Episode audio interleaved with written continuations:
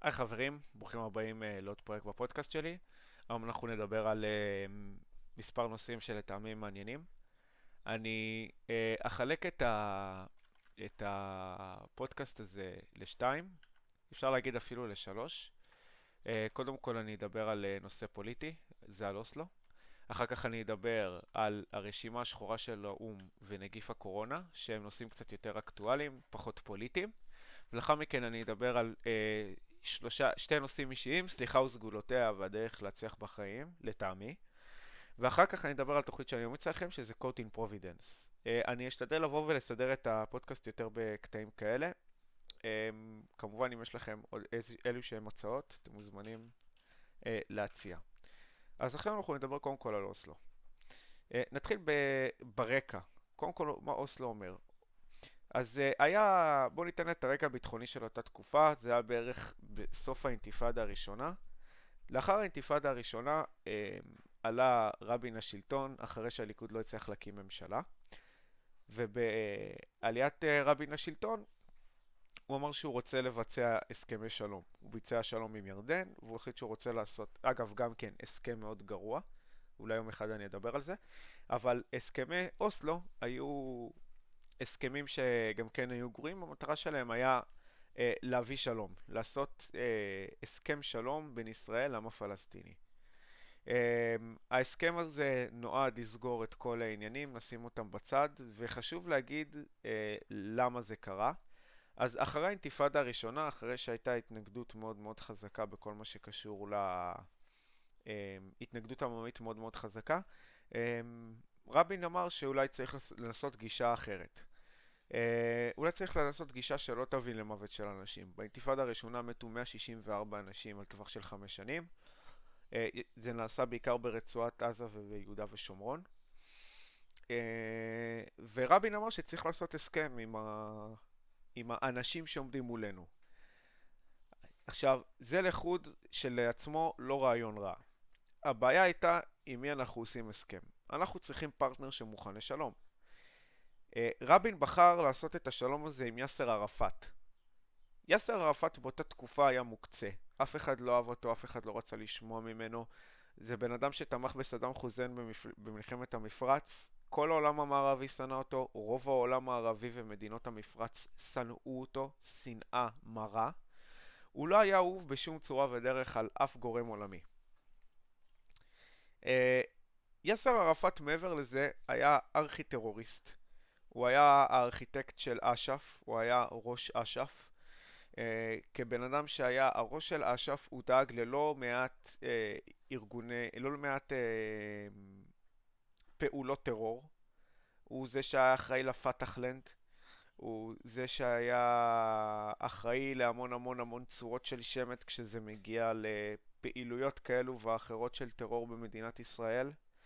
Uh, בערפאת הוא גם נאם מול העצרת הכללית של האו"ם, כשהוא מחזיק אקדח ביד אחת ועלי זית ביד שנייה. אמ, הוא אמר, הוא סירב לכל פשרה ישראלית שהיא, אמ, ומדובר היה בבן אדם שמאוד מאוד לא סימפטי ולא אמפתי כלפי של... שלום. כל מי שהכיר אותו ידע את זה. היו הרבה אנשים בימין שהזהירו מפני זה, כמובן שלא הקשיבו לאנשים בימין, וחשוב לציין בכל הדבר הזה, שהיו אנשים כמו אה, פרס שאמרו לאנש... לקצב, לא שמעת מה אמרתי? לא תקום מדינה פלסטינית. המטרה של ההסכם הזה היה למנוע כמה של מדינה פלסטינית, לתת איזושהי עצמאות, לשמור על ירושלים. אמ, ונניח שתבוא ותגידו, אלון צריך להשאיר את העבר בצד, ערפאת עד כה עשה טרור, עכשיו הוא בא ומשנה את דרכו, הוא הבין שאלימות זה לא הדרך, כל מיני כאלה, ויכול להיות שיש איזשהו מקום לטיעון הזה, אבל ערפאת נאם לפני חתימה על אוסלו, אה, נאום שנקרא נאום יוהנסברג. אה, הוא נאם אותו ב-1994 לפני אה, אוסלו ב', ובנאום הוא אמר שהוא מתייחס לירושלים כבירת פלסטין, שיש להמשיך בג'יהאד עד שמקבלים את ירושלים בחזרה, ושהסכמי אוסלו. אה, שווים להסכמי הוד... הודביה. הודביה, משהו כזה, שזה אומר הסכם שביתת נשק בכאילו, שכל מטרתו אה, זה נועד לתחמן את האנשים שאינם מוסלמים כדי להגדיל, ולה, אה, להגדיל את האסלאם. אה, ערפאת ככה התייחס לנאום, אה, לכל מה שקשור להסכמי אוסלו. הוא נאם את זה חצי שנה לפני החתימה על הסכמי אוסלו. מספיק זמן, וגם זה הוקלט, זה הופץ, זה היה מספיק זמן כדי שרבין יוכל לבוא ולהגיד, אנחנו לא מוכנים לעשות את ההסכם הזה, כדי שפרס יגיד, הפרטנר הזה לא באמת קיים. אה, אבל רבין היה מלא תקווה, ופרס היה טינופת שחיפש רק לקבל תשומת לב לכל מה שקשור לרזומה הפוליטי שלו. אה, איך אמר אה, בכיר אמריקאי לנתניהו? אם אתה לא תעשה את מה שצריך, לא תהיה לך הלוויה מפוארת כמו של פרס. פרס כל חייו אה, דאג להלווייתו המפוארת. אה, זה לגבי אה, אוסלו. עכשיו, אוסלו נכשל כליל. אחרי אוסלו, אה, מה שקרה היה בעיקר טרור.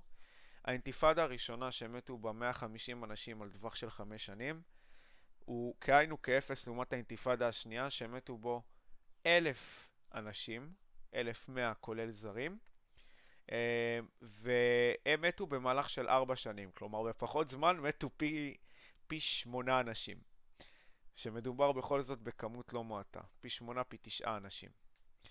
אה, האינתיפאדה השנייה, שזה היה, שזה נמנע לאחר מבצע חומת מגן, לאחר מבצע חומת מגן באמת הפסיק הטרור והייתה ירידה מאוד גדולה בטרור. היא הייתה הרבה יותר משמעותית מהאינתיפאדה הראשונה. האינתיפאדה הראשונה הייתה, הייתה משחק ילדים לעומת האינתיפאדה השנייה. הטרור שרבין כל כך רצה למנוע, חזר לנו כמו בומרנג לפרצוף ברגע שאנחנו באנו ונתנו את האמון שלנו בגורם כמו יאסר ערפאת.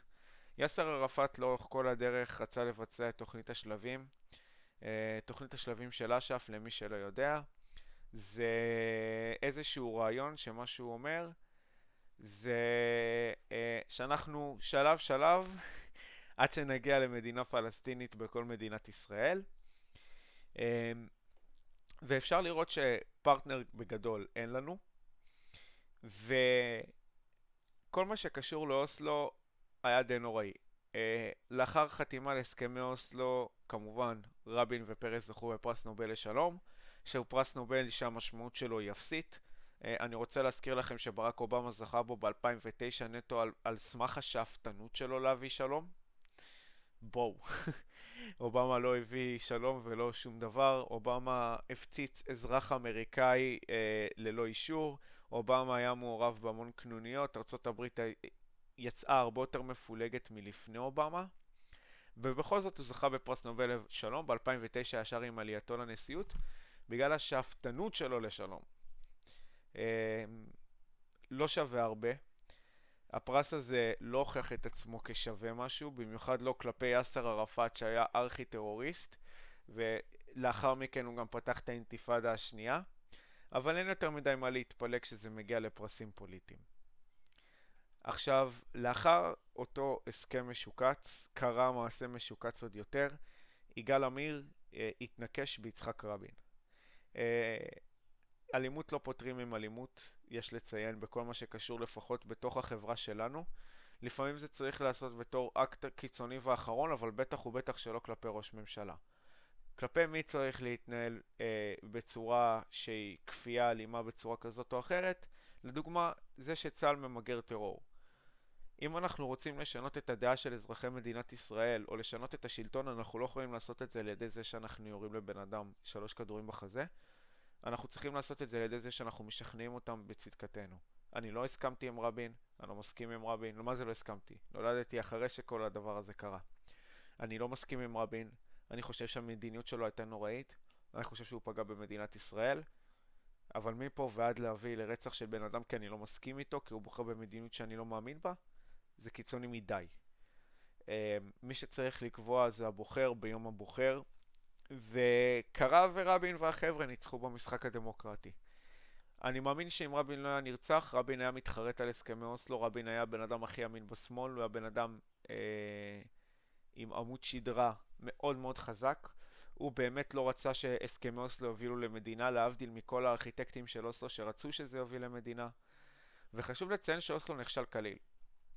אוסלו לא הביא שלום, אוסלו הביא יותר מלחמה, אוסלו הביא יותר בלאגן.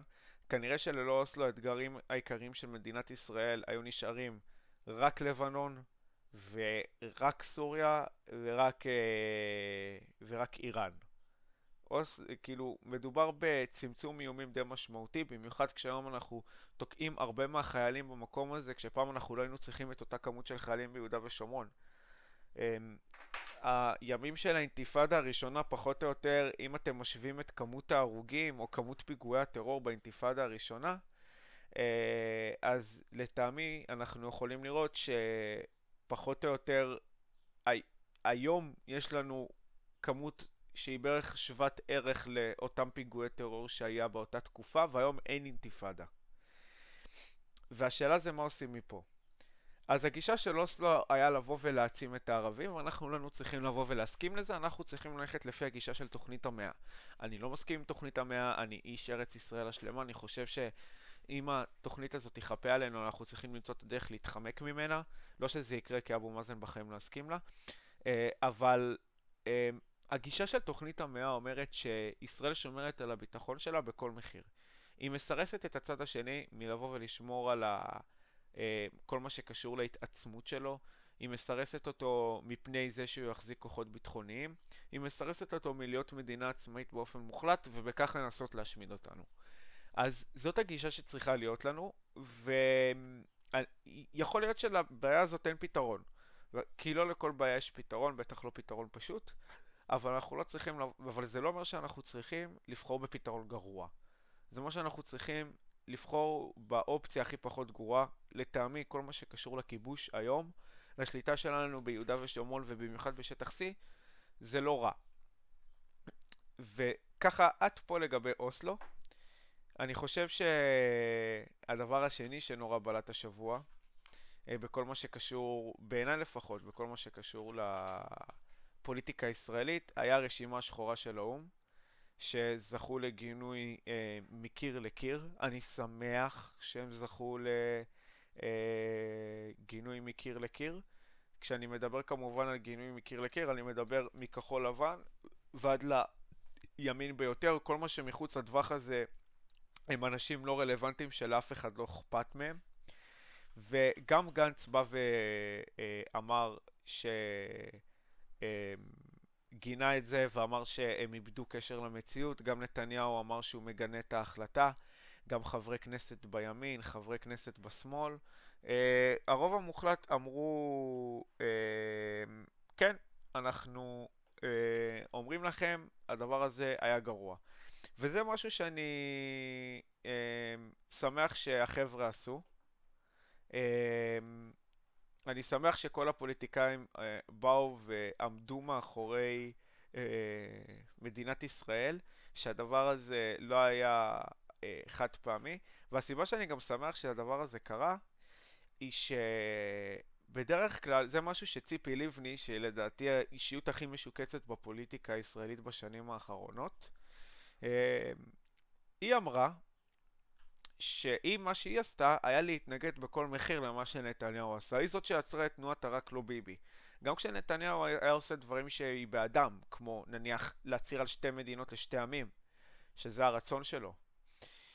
אני שמח על הגינוי מקיר לקיר, אה, אני חושב שזה אומר שהראש של הפוליטיקאים הוא במקום טוב, אה, אבל אם יש משהו שאני שכחתי לעשות קצת פדיחה, זה להסביר מה זה הרשימה השחורה של האו"ם. אז כל מי שהיה תקוע מתחת לאבן, הרשימה השחורה של האו"ם היא רשימה של עסקים שמשתתפים בפעילות עסקיות ביהודה ושומרון, אמ, והיא הייתה, של נציבות זכויות האדם של האו"ם, וזה כאילו למספר, היי חבר'ה, אתם רואים את הארגונים האלה, צריך לעשות להם נו נו נו. וחשוב לבוא ולהבהיר משהו. אה, נציבות זכויות האדם אה, של האו"ם זאת מדינה שמכילה הרבה מדינות שאין להם כל כך אה, סובלנות לזכויות אדם. ואם אנחנו נסתכל לדוגמה על החברים הנוכחים בה, אז החברים הנוכחים בה כוללים את קטר, פקיסטן, ניגריה, אנגולה, סומליה, אני מדבר על סומליה, מדינה שאתם יכולים לקנות בה קלצ'ניקוב ב-50 דולר כנראה, אוקיי? לא מדובר במדינות דמוקרטיות שמגנות על, על, על כל מה שקשור ל, לזכויות אדם. אה, מדובר על מדינות כמו ונצואלה, שהיום יש שם דיקטטור בשם ניקולס מדורו. מדובר על uh, מדינות כמו uh, לוב, ש... או סודאן, שטבחה באזרחים שלה. Uh, אם אנחנו מסתכלים על מדינות נורמליות שיש שם, אז יש לנו שם את ספרד, אוסטרליה, איטליה, דנמרק, אוסטריה, uh, הולנד, גרמניה, ברזיל, אורוגוואי, צ'ילה, מקסיקו שזה ככה ככה, בולגריה שזה ככה ככה, צ'כיה, אוקראינה שזה ככה ככה, סלובקיה שזה גם כן ככה ככה, איי פיג'י, הודו, יפן, דרום קוריאה, והם בערך כוללים 30% מהחברים הנוכחים. Uh, הרוב המוחלט של המדינות כאן הן מדינות דיקטטורות, uh, דמוקרטיות למחצה, uh, בלתי uh, עולות על הדעת. לא מדובר במקום שיכול לבוא ולהטיף למדינת ישראל. Uh, לשמוע הטפה מקטר או לשמוע הטפה מוונצואלה לגבי הדמוקרטיה של מדינת ישראל ועל שטחים כבושים זה די אירוני. Uh, במיוחד כשכמעט כל מדינה ברשימה הזאת זאת מדינה שהיה לה סכסוך טריטוריאלי מטומטם הרבה יותר מיהודה ושומרון. הרבה יותר מטומטם מיהודה ושומרון. Uh, במיוחד כשזה כולל במדינות כמו סודאן שאני בטוח שיצביעו נגד ישראל, לא נכנסתי למי הצביע בעד ומי הצביע נגד. ובאופן כללי uh, חשוב להגיד שכמות ההתייחסות שלהם לדוגמה לסוריה כמות ההתייחסות שלהם למדינות אחרות שבאות ומפרות זכויות אדם היא כמעט אפסית. אני בטוח שהם לא דיברו על uh, מתרגלי הפאולונג ב, uh, בסין, אני בטוח שהם לא דיברו על uh, השתקה של זכויות אדם ברוסיה, אני בטוח שהם לא דיברו אפילו על משפטים שלא הוגנים בארצות הברית ובבריטניה, כי זה קורה אפילו במדינות דמוקרטיות. הם לא דיברו על הזכות לנסוע, כנראה, אני מאמין שהם לא דיברו, על הזכות לנסוע בסעודיה, זה שנשים בקושי יכולות להצהיר רישיון נהיגה. אה, או על זכויות נשים באיראן או בכלל על איראן. אה, לא דיברו על אה, דיקטטורות כמו קובה, בטח לא באותה מגניטודיה, וחשוב לבוא ולהבהיר, מדינת ישראל היא מדינה קטנה, בלתי רלוונטית, אחת שההשפעה שלה בכל מה שקשור לדברים עד לנתניהו הייתה מינורית, אנחנו לא מעצמה גיאופוליטית ענקית, נטו יש לנו טכנולוגיה ואנחנו נטו start-up nation. זה נטו בגלל שנתניהו וגורמים בממשל הישראלי יכולים לתקשר גם עם טראמפ וגם עם פוטין. מלבד זה לישראל אין שום, שום דבר. כמות האזרחים שלכאורה מדוכאים ביהודה ושומרון הם כאין וכאפס במה שקורה בסודאן ודרום סודאן, במלחמת אזרחים שם. אמ, זה כלום לעומת מה שקרה באריתריאה. זה כלום לעומת מה שקרה בכל מיני מקומות כאלו ואחרים. וחשוב להבהיר, הדברים האלה לא נגמרו.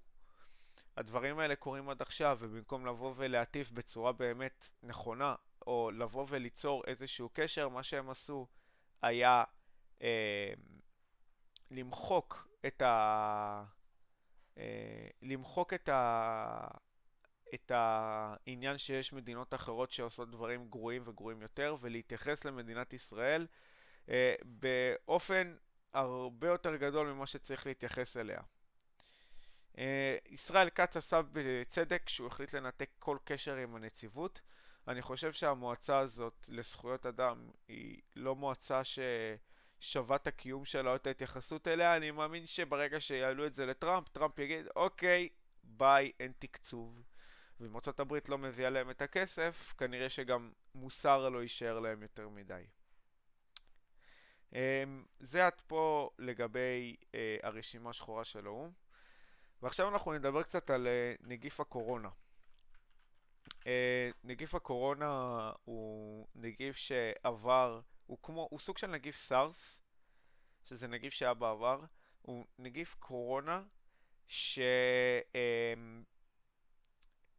התפרץ בווהאן בסין, וכתוצאה מההתפרצות שלו, אה, נדבקו לא מעט אנשים, מתו גם לא מעט אנשים, מדובר בהתפרצות הגדולה ביותר כנראה מאז שפעת החזירים, אה, ששפעת החזירים הייתה, אה, יש שאומרים די קטלנית. אה, בשפעת החזירים, משפעת החזירים מתו בערך כ-300 אלף איש והיה מיליון וחצי מקרי הידבקות על טווח של שמונה חודשים. בנגיף הקורונה יש כבר 70 אלף הידבקויות ו-1,500 הרוגים. זאת אומרת, עד כה, זה לפחות ממה שאנחנו יודעים, כנראה ששפעת החזירים היא קטלנית יותר לדוגמה מהקורונה. זה לא אומר שצריך לזלזל, פשוט חשוב לשים את הרבה מהדברים האלה בפרופורציה. סין הגיבה לדבר די יפה, אבל יש אנשים שאומרים שכנראה שסין מסתירה לא מעט מה... אמ, שהיא מסתירה לא מעט מה... אה, אנשים שנדבקו, קשה לבוא ולפקפק בדבר הזה, במיוחד כשמדובר על מדינה כמו סין, שאוהבת אה, להסתיר מהעולם אה, לגבי פאשלות כאלו ואחרות שלה. ואנחנו יכולים אה, להתנחם בכך שהרוב המוחלט של החולים, 54 אלף, נמצאים בעיר אחת בסין, ש-66 אלף, 66 וחצי אלף אה, נמצאים באדמת סין. אמ, שאחוז התמותה הוא בערך 10 אחוז, אה, ובסך הכל לא מדובר במחלה שתרצח את האנושות, לא מדובר באיזשהו אבולה או דבר כזה או אחר, אבל כן מדובר במחלה שצריך להילחם בה. עכשיו השאלה הגדולה זה כמה סין מטייחת, כי סין כנראה מטייחת, אה, אפילו סבירות אה, גבוהה מאוד שהיא מטייחת. אה, מתוך הטיוח אה, כמה הדבר הזה משפיע. אה, האם הטיוח שלה זה יש 70 אלף במקום 67 אלף, או האם הטיוח שלה זה יש מיליון וחצי במקום 67 אלף. יש מיליארדר סיני שטוען שיש מיליון וחצי אנשים שחולים במחלה ושמתו 60 אלף איש, ושכל היום יש האנשים שעסוקים בלשרוף את הגופות, אני נוטה לחשוב שמדובר קצת בקונספירציה הזויה. פשוט ממשלת סין אוהבת לעשות overkill לכל דבר קטן, וגם כשזה מגיע לקורונה שזוהה די מהר, הם עשו את אותו דבר. אה, עכשיו השאלה זה אה, איך זה משפיע עלינו. מבחינה כלכלית זה עומד מתישהו לזיין אותנו. Uh, אנחנו עדיין לא יודעים איך, כמה ולמה, אבל זה מתישהו עומד לזיין אותנו. Uh, כרגע כל מה שקשור לדבר, סין מייצרת חצי מהעולם, המון מהדברים מיוצרים בסין, ועכשיו כשהאספקה נפגעת זה עומד איכשהו לפגוע בנו. לארה"ב זה בא את האמת די טוב, והסיבה שזה בא טוב לארה"ב זה כי יש מלחמת סחר. ובמלחמת הסחר בין ארה"ב לבין סין, uh, ארה"ב עכשיו ידעה על העליונה. ידה הפכה להיות על העליונה כאשר ב-2018 מתו uh, שליש מהחזירים בסין. וכתוצאה מכך סין נאלצה לייבא מארצות הברית המון המון חזירים. Uh, ועכשיו היא נחלשת שוב כי uh, גדולתה יורדת. סין בשנה האחרונה, אנחנו זכינו לראות את זה לא מעט, מסרסת המון מהתרבות בארצות הברית, שצריכה להתאים את עצמה אליה. ב-NBA פוטר, אם אני לא טועה, זה היה מאמן שפוטר כתוצאה מכך שהוא היה בעד המפגינים בהונג קונג. באופן כללי, יש לסין גם משבר עם הונג קונג. אה, הבעיה לדעתי של שי ג'ינפינג זה שהוא נאלץ להתמודד כנגד יותר מדי חזיתות. כשמתמודדים כנגד יותר מדי חזיתות התוצאה היא רעה מאוד. אה, סין לא יכולה להרשות לעצמה יותר חזיתות ממה שכבר יש, ולכן מה שהיא תיאלץ לעשות זה, אה, לדעתי, אה, לחתום על הסכמים שהם לא מרוצים מהם, והסכמים שיציבו את ארה"ב במעלה הראשונה כדי להצליח לשרוד ולעלות למעלה. אה, שיפי ג'ינג הוא בסך הכל דיקטטור, אה, כמו עוד הרבה דיקטטורים הוא משקר ומחרטט לא מעט.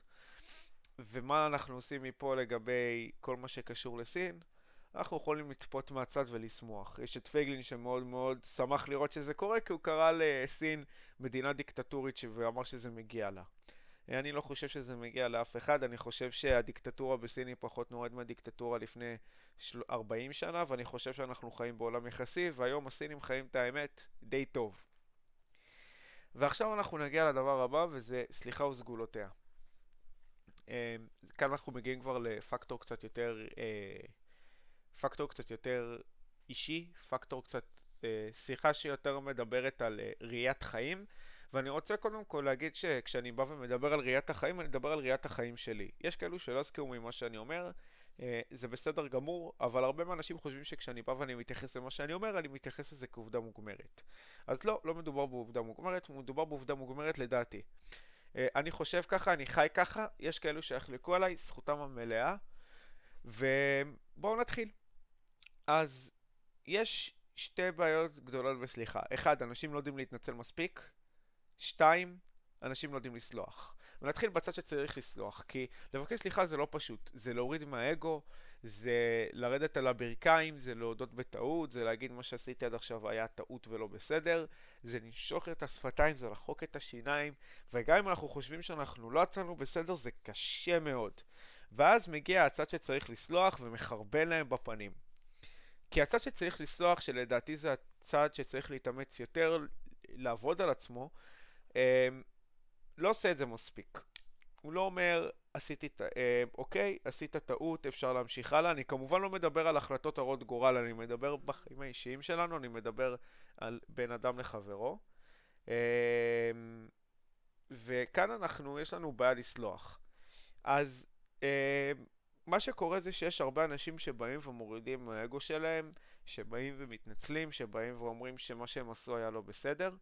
ובמקום שאנחנו נבוא ונגיד, אוקיי, כל הכבוד לך, אנחנו, כאילו, תודה רבה לך על המאמץ הזה, על העניין הזה שאתה באת ובאמת אה, הת, התוודת על הדבר הזה ושאתה מתנצל פה על מה שאתה עשית. מה שאנחנו עושים זה להעניש אותם. ואיך אנחנו מענישים אותם? אנחנו, במקום לבוא ולהגיד, אוקיי, סולחים, אפשר להמשיך הלאה, אנחנו באים ומזכירים להם את אותה טעות שהם עשו מלפני עשר שנים, אנחנו מזכירים לו אותה כל יום. ואני רוצה להביא לכם דוגמה. אז בצלאל סמוטריץ' אה, זה בן אדם שלא חובב גדול של הקהילה הגאה. הוא עשה בעבר שטות, דבר שהוא מתנצל עליו, דבר שהוא חושב שהיה גס רוח ומיותר, דבר שהוא חושב שהיה פוגעני ולא הולם, הוא עשה את מצעד הבהמות. ומה היה מצעד הבהמות? מצעד הבהמות היה מצעד שבו אה, הוא השווה את ההומואים פחות או יותר לחיות. עברו עשר שנים מאותו אירוע. אני בספק שאתם לא מתחרטים על משהו מטומטם שעשיתם לפני עשר שנים, ואמר, שמעו, אמנם אני עדיין חושב שילד צריך אמא ואבא, אבל ללא ספק מה שעשיתי באותה תקופה היה לא בסדר. ובמקום לבוא ולהגיד, אוקיי, good for you, בואו נפתח את הדבר הזה לדיון, אנחנו כן חושבים שילד יכול להיות לו אמא ואבא. Uh, במקום לעשות את הדבר הזה, מה שעשו היה, לא, אנחנו לא מאמינים לך. עכשיו, חשוב להבהיר, בצלאל סמוטריץ' לא מקבל מנדט אחד מכך שהוא בא ואומר שהוא לא... שהוא מתחרט על המעשה הזה. הוא לא מקבל מנדט אחד, אוקיי? הוא לא מקבל הכרה של ימני אחד. לאף אחד לא אכפת מזה. אה, לימין השמרני במדינת ישראל, לאנשים המסורתיים, לא אכפת מזה יותר מדי.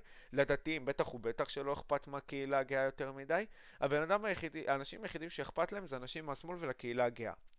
ובמקום שהאנשים מהשמאל לפחות, כי אני לא יודע מה הייתה תגובת הקהילה הקהילה הגאה, יבואו ויגידו, אוקיי, אתה מתחרט, ועכשיו אתה תבין שהחבר'ה האלה גם יכולים להיות אמא ואבא בדיוק כמוני וכמוך. מה שעשו היה לבוא ולרדת עליו בכל הכוח, היה לבקר אותו, ובעצם גרמו להתנצלות ולסליחה שלו להיראות בעיניו כמשהו שלא שווה את זה. כי מגיע סמוטריץ' ובא ואומר, הנה, מה שאני עשיתי עד כה היה לא בסדר, היה לא צודק, היה לא הוגן, אני לא הייתי צריך לעשות את הדבר הזה, ובאים ונכנסים בו. ואגב, זה קורה לכולנו גם בחיים האישיים, ואני פה מביא דוגמה פוליטית, אבל לכולנו יש את ה... אה, היה את האקסיט הזאת, או את החברה הזאת, או את האישה הזאת, שאם אה, אתה היית מתחיל לריב איתה, הייתה מזכירה לך את הפעם הזאת שאתם רבתם מלפני עשר שנים.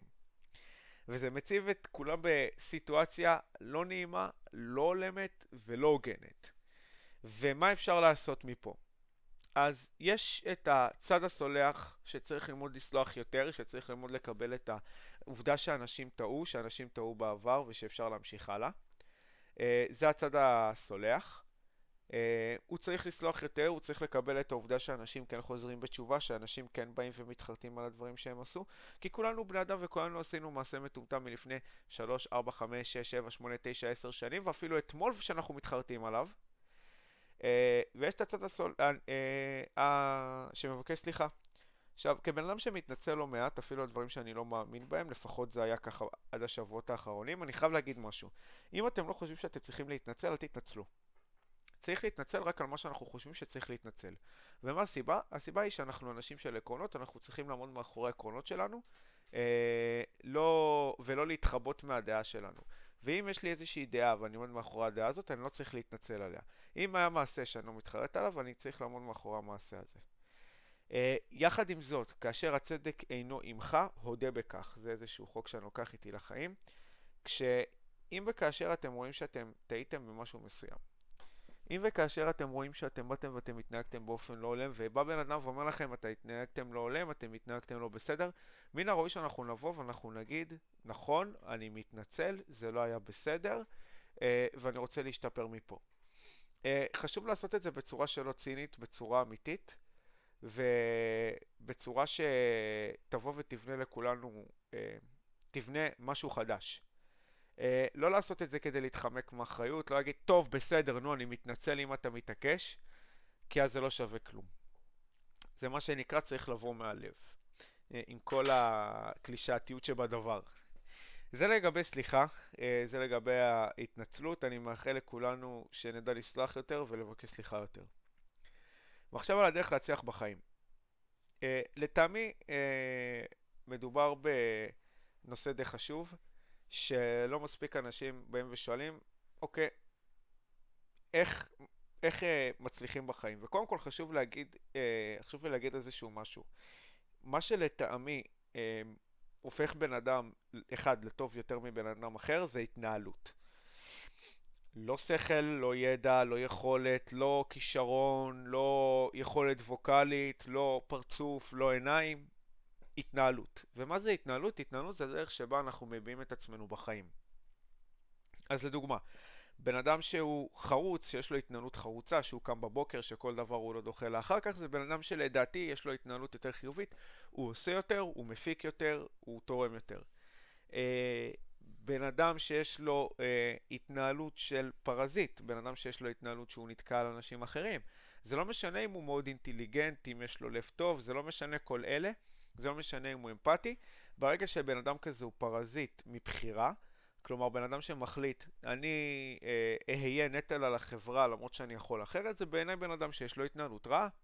וחשוב להגיד את הדברים האלה, כי הרבה פעמים אנשים חושבים שמה שחשוב בחיים זה איזשהו שכל, ואם יש איזה בן אדם שאנחנו לא אוהבים את ההתנהלות שלו, אנחנו רואים שהוא טיפש, גנץ טיפש, נתניהו טיפש, ההוא טיפש, ההיא טיפשה, לא, לא מדובר בטיפש, מדובר בהתנהלות. אמ, כי יכול להיות בן אדם מאוד מאוד, אה, שמתנהל באופן נוראי עם איי-קיו מאוד מאוד גבוה, ויכול להיות בן אדם עם איי-קיו מאוד מאוד נמוך, שמתנהל באופן הכי מוסרי והכי צודק לפי דעתנו לפי דעתם של אחרים. זה לגבי העניין הזה. אז חשוב להבהיר שמה שאנחנו צריכים לעבוד עליו בחיים, יותר מאשר ידע זה התנהלות. אם ההתנהלות תוביל אותנו לרכישת ידע חדש, מה טוב, אבל זה לא בהכרח. אה, יש לי חבר שעושה מוזיקה, אה, הוא אוהב לעשות מוזיקה. אני לא יודע כמה אה, ידע או כמה שכל או כמה איי-קיו נדרש למוזיקה, אני מעריך שיצירתיות נדרשת יותר. אה, ולכן לא חשוב כמה הוא חכם, אלא יותר חשוב כמה הוא יצירתי וכמה הוא יודע להביע את עצמו בכל מה שקשור למוזיקה. ככה זה לפי דעתי. אה, ועכשיו אנחנו נגיע לדרך להצליח בחיים אחרי שאנחנו הכרנו בזה. אז יש שלושה שלבים. הדבר הראשון זה לקחת אחריות על המצב שלנו. הדבר השני זה לבחור את המטרה שאנחנו רוצים להצליח בה, והדבר השלישי זה נחישות למטרה. אז בואו נתחיל באחריות למצב שלנו. אמ, אני רוצה שאתם תבינו שמה שקרה עד כה בחיים שלכם, הרבה מזה היה באשמתכם, הרבה מזה לא היה באשמתכם, הרבה מזה היה כתוצאה מפעולות שלכם, הרבה מזה היה כתוצאה מהסביבה. הכל נכון, יש הרבה אשמים. יש את אימא, יש את אבא, יש את האחים, יש את המשפחה, יש את הסביבה, יש את הבית ספר, יש את הבריונים, יש את הפה, יש את השם, הכל נכון. השאלה היא אחרת, השאלה היא מה עושים מפה. מה שעושים מפה זה עליכם. זה מה שקשור לאחריות על המצב. לקחת אחריות על המצב שלך, לא אומר שאתה אחראי למה שקרה עד עכשיו, אלא שאתה אחראי למה שקורה מעכשיו. ממחר בבוקר, מעוד יומיים, מעוד שנייה. האם אתם עומדים לבוא ולקרוא יותר ספרים כדי להשכיל יותר, כי המטרה שלכם זה להשכיל יותר? סבבה. אה, האם אתם עומדים לבוא ולהבין אה, ולעזור לאחרים להשיג צדק בחיים במידה כזאת או אחרת? גם סבבה. הדבר הראשון בלעשות את הדבר הזה זה לקחת את האחריות על המצב שלכם. יש לא מעט אנשים שחוו חיים מאוד מאוד קשים, בין אם מדובר בניצולי שואה, אנשים שחוו מלחמות, ואנשים שנסרטו בלי קשר מעוולות החיים. אה, יש אנשים שחטפו כתוצאה מזה טראומה, טראומה קשה, טראומה ששרטה אותם למשך כל החיים, וישנם אנשים שלא חטפו מזה טראומה, אבל השתמשו בזה בתור תירוץ כדי לא להצליח בחיים. Uh, הדוגמה מאוד מאוד בולטת, uh, אני הכרתי uh, שני אנשים שהורים לאותה, uh, ילדים לאותה אימא ואבא, והם לקחו את הגירושין של ההורים בצורה מאוד מאוד שונה. Uh, הילדה uh, נסעה לתל אביב, זרקה את החיים שלה, לא התחתנה, לא הביאה ילדים. אה, נמצאת במצב של סמים כל היום, היא מאשימה את המצב ואת חוסר ההצלחות שלה להורים שלה, לגירושין של ההורים שלה, על כך שהם לא היו הורים שהיו שם בשבילה, ומהצד השני יש את הילד שיצא בעל עסק יחסית מצליח, הוא עצמאי, יש לו שני ילדים, הוא גר במקום די טוב ודי איכותי למען הילדים האלה. אה, בסך הכל הוא חי את החלום אה, כלשונו. ושניהם חוו את אותם uh, הליכים, ואחת בחרה להשתמש בזה בתור תירוץ ללמה לא לקחת אחריות על החיים שלה, והשני אמר, על אף הדברים האלה אני לוקח אחריות על החיים שלי, ומה שאני עושה מפה זה לשפר אותם. ואחרי שאנחנו לוקחים את האחריות על החיים שלנו, מגיע השלב הבא. השלב הבא זה לבחור את המטרה. וזה משהו שהוא די קשה, כי לא כולם סגורים על מה הם רוצים לעשות בחיים. אז יש לי איזשהו חבר בעבודה, חבר הזה בעבודה, לא יודע מה הוא רוצה ללמוד. אני יודע, אני רוצה, אני רוצה מדעי המחשב, אני רוצה תכנות, אני רוצה הנדסה.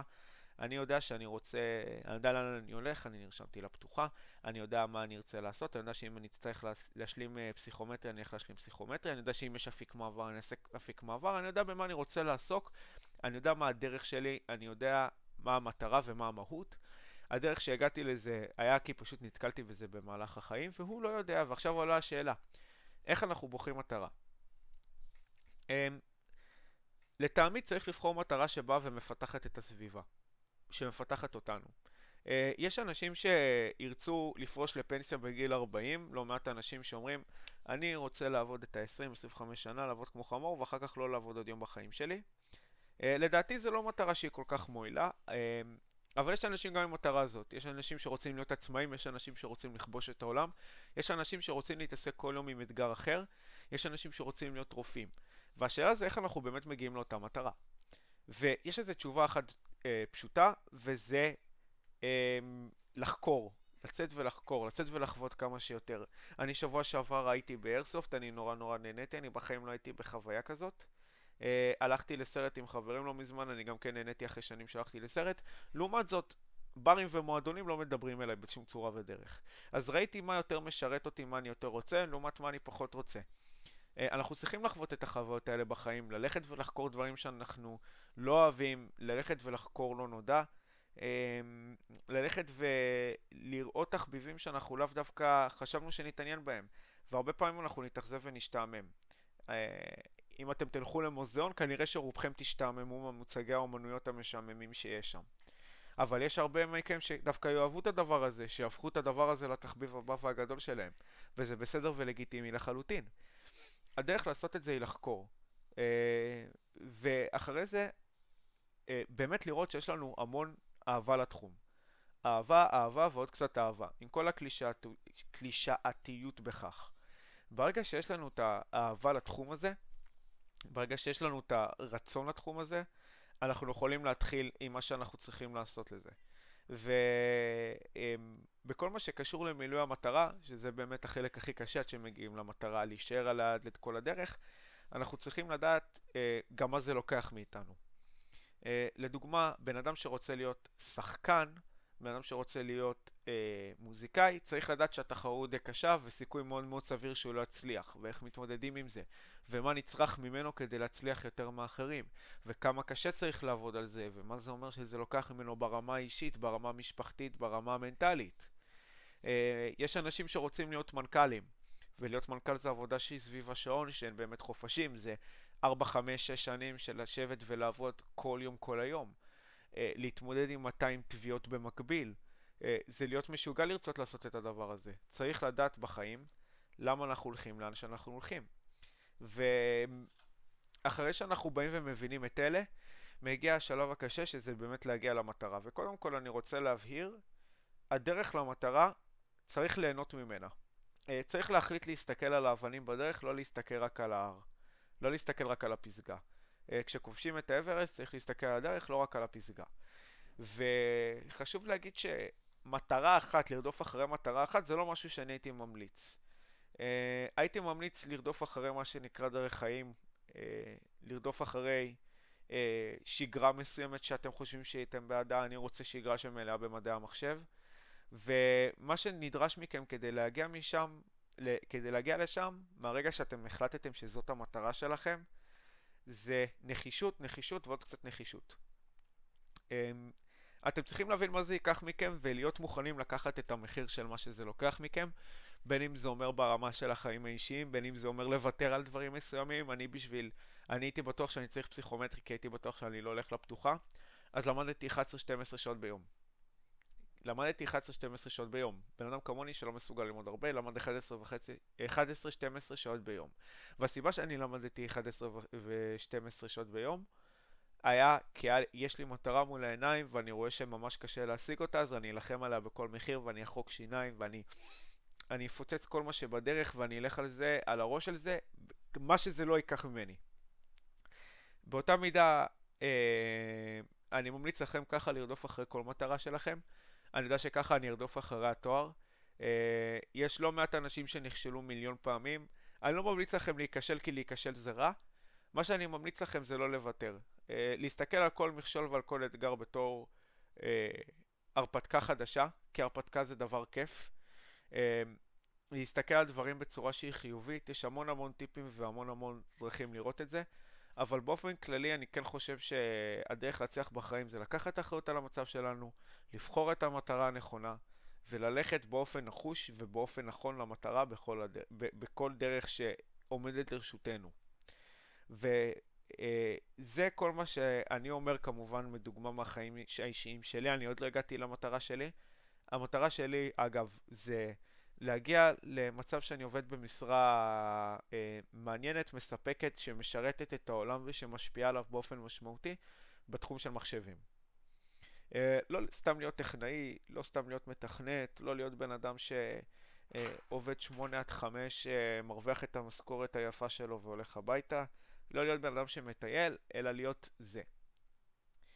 אה, ועכשיו לחלק האחרון, שזה סדרת טלוויזיה שאני ממליץ לכם, יש עליה, את האמת שהיא יותר גם ביוטיוב אני רואה אותה, נקראת Caught in Providence.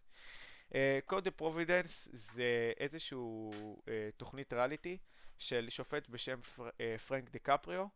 אה, פרנק קפריו הוא שופט בעיר בשם פרובידנס ברוד איילנד. Uh, ומה שהוא עושה הוא שופט, ב, אם אני לא טועה, בהתנדבות. בבית המשפט, אה, בבית משפט בכל מה שקשור לעבירות תנועה ולעבירות שלא קשות. ומה שהוא עושה שם זה אה, שופט אנשים בצורה, אפשר להגיד, מאוד מאוד מאוד הוגנת בכל מה שקשור לדוחות חנייה, לדוחות, אה, לדוחות תנועה.